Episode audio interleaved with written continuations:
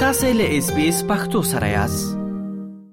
یو سلو درې کال وړاندې د زمری د میاشتې پر 28مه نیټه امان الله خان په دې وتوانې ترڅو له بریټانیا څخه د افغانستان خپلواکي ترلاسه کړي دا چې امان الله خان د افغانستان خپلواکي څنګه ترلاسه کړه او تر هغه وروسته په افغانستان کې کوم مهمه کارونه تر سره شو د همدغه موضوع په اړه غواړم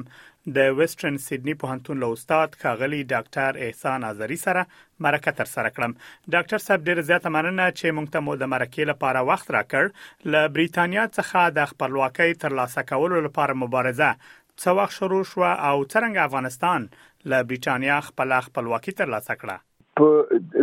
کابو سل کال مخکې په د لومړي ځل لپاره د افغانستان کې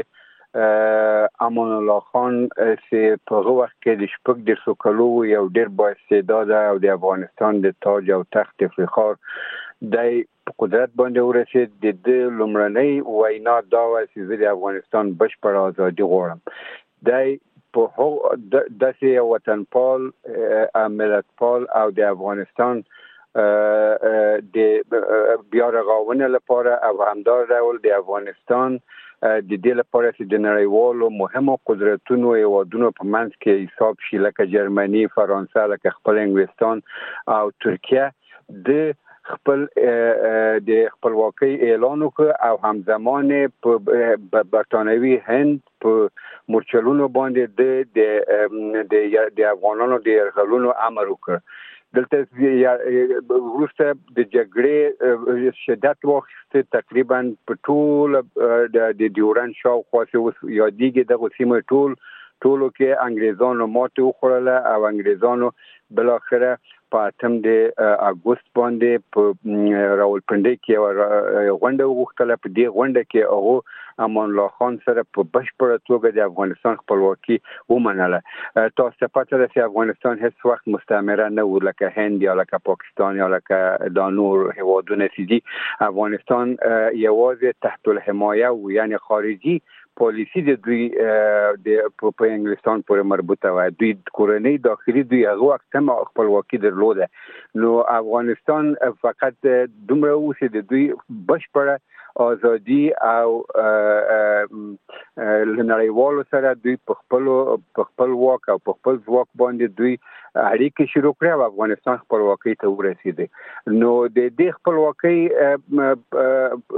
زما په ان باندې د هغو رونداندو د هغو تعلیم یافته افغانانو چې دوی په سر کې رس کې امان الله خانو دوی دغه ابتکار کړی دی او دغه د افغانستان ازادي اخیستې ده تر ننه پورې موږ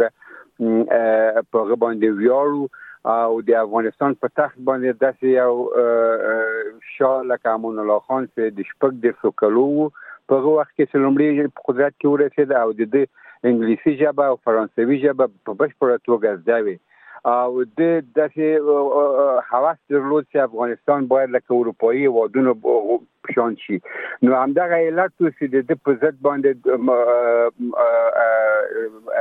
په افغانستان کې بغاوتونه شروع شول چې هغه په مستقیم ډول د انګریزانو له خوا رهبري کېدل ځکه چې امان الله خان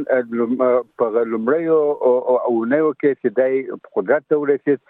د د باندې پوهېدی چې افغانستان باید تعلیم ته زیات توجه کی د امان الله خان په وخت کې په کابل کې په نورو مهمو ښارونو کې په هر سیمه کې به دوی اعلانونه نشرول او افغان افغان ولس به خلک به د ته تشویق کول چې دوی خپل اولادونه خوندې ته ولېږي د امان الله خان د دولت په مامورینو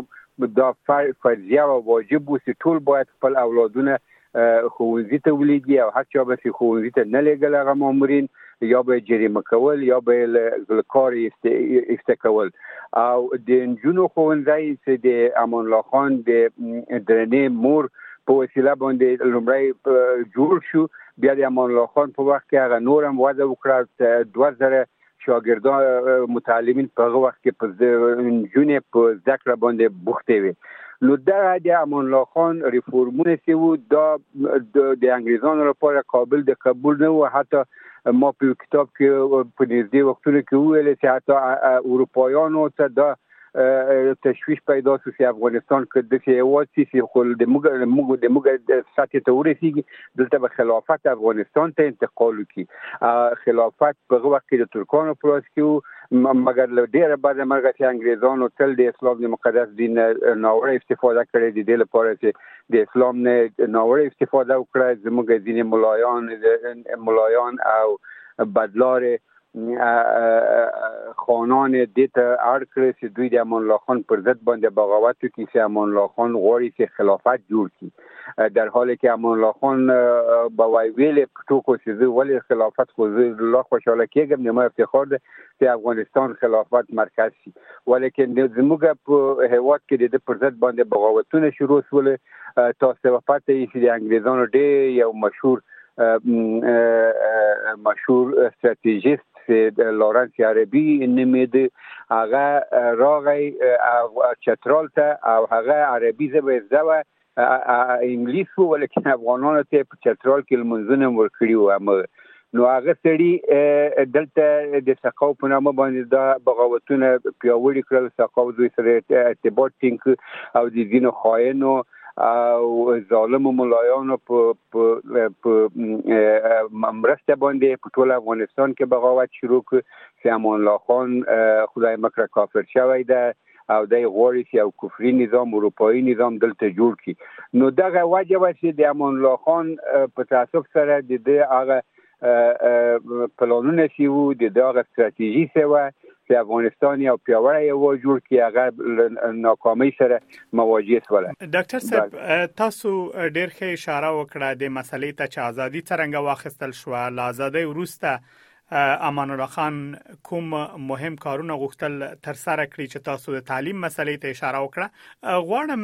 کپدې اړه هم زموږ لاوریدونکو سره معلومات شریک کړئ چې د خپلواکۍ له ترلاسه کولو وروسته د تعلیم ترڅنګ په نورو کومو برخو کې امان الله خان مهم کارونه تر سره کړ او د هغه لید د افغانستان د راتلونکو لپاره څنګه یو لید و امان الله خان ډیر لوړ فکرونه افکار درلود ډیر یو روشنګر انسان و هغه غوښتل چې افغانستان د د لومړیو پلانونو نه دا و چې د کرنې په برخه کې مثلا په افغانستان کې فارمونه جوړ سو د لومړي ځل لپاره افغانان افغان ځوانان د تعلیم او ذکر لپاره جرمني ته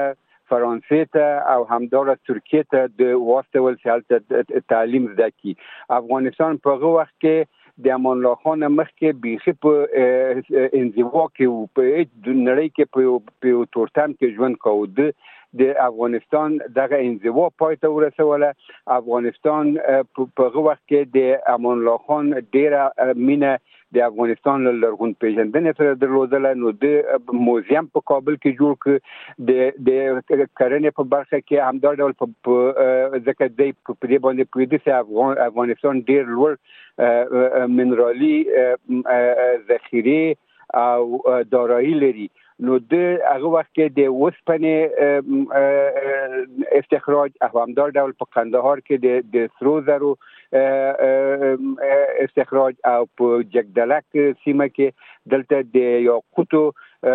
کان د پکار واچو لغونه استفاده پیل کړه افغانستان په هغه وخت کې د هیڅ چا پوروړی نه وو او د یو په بل پسې عمراني پروژې پلي کولې ولیکن په تاسف سره لکه تاسو ته صفات دلته انګریزان انګریز استعمار مسلط په د هند په نیمه وچه کې دلته دوی دا نشوي زغملای چې افغانستان د یو هیواد چې لکه اروپאי هیواد نو دوی فقط لغه د اسلام له مقدس دین استفاده شروع کړه او د امان الله خان ټول هغه پلانونه چې ول په په لمنځه ولاړل او دا یو یو په اصطلاح سره یو د رڼایي برکت چې افغانستان ته راغلی و هغه له منځه لاړ د انګریزانو او همدارس د ملي خاینینو ترمنځ لکه دا اوس هم تاسو پوهیږئ چې د نجونو ښوونځي بند کړي دي دا یو لوی شرم او ملي خجالت ته د هر چا چې دا د دې امر ورکړي هغه لوی ملي خاین د قابل د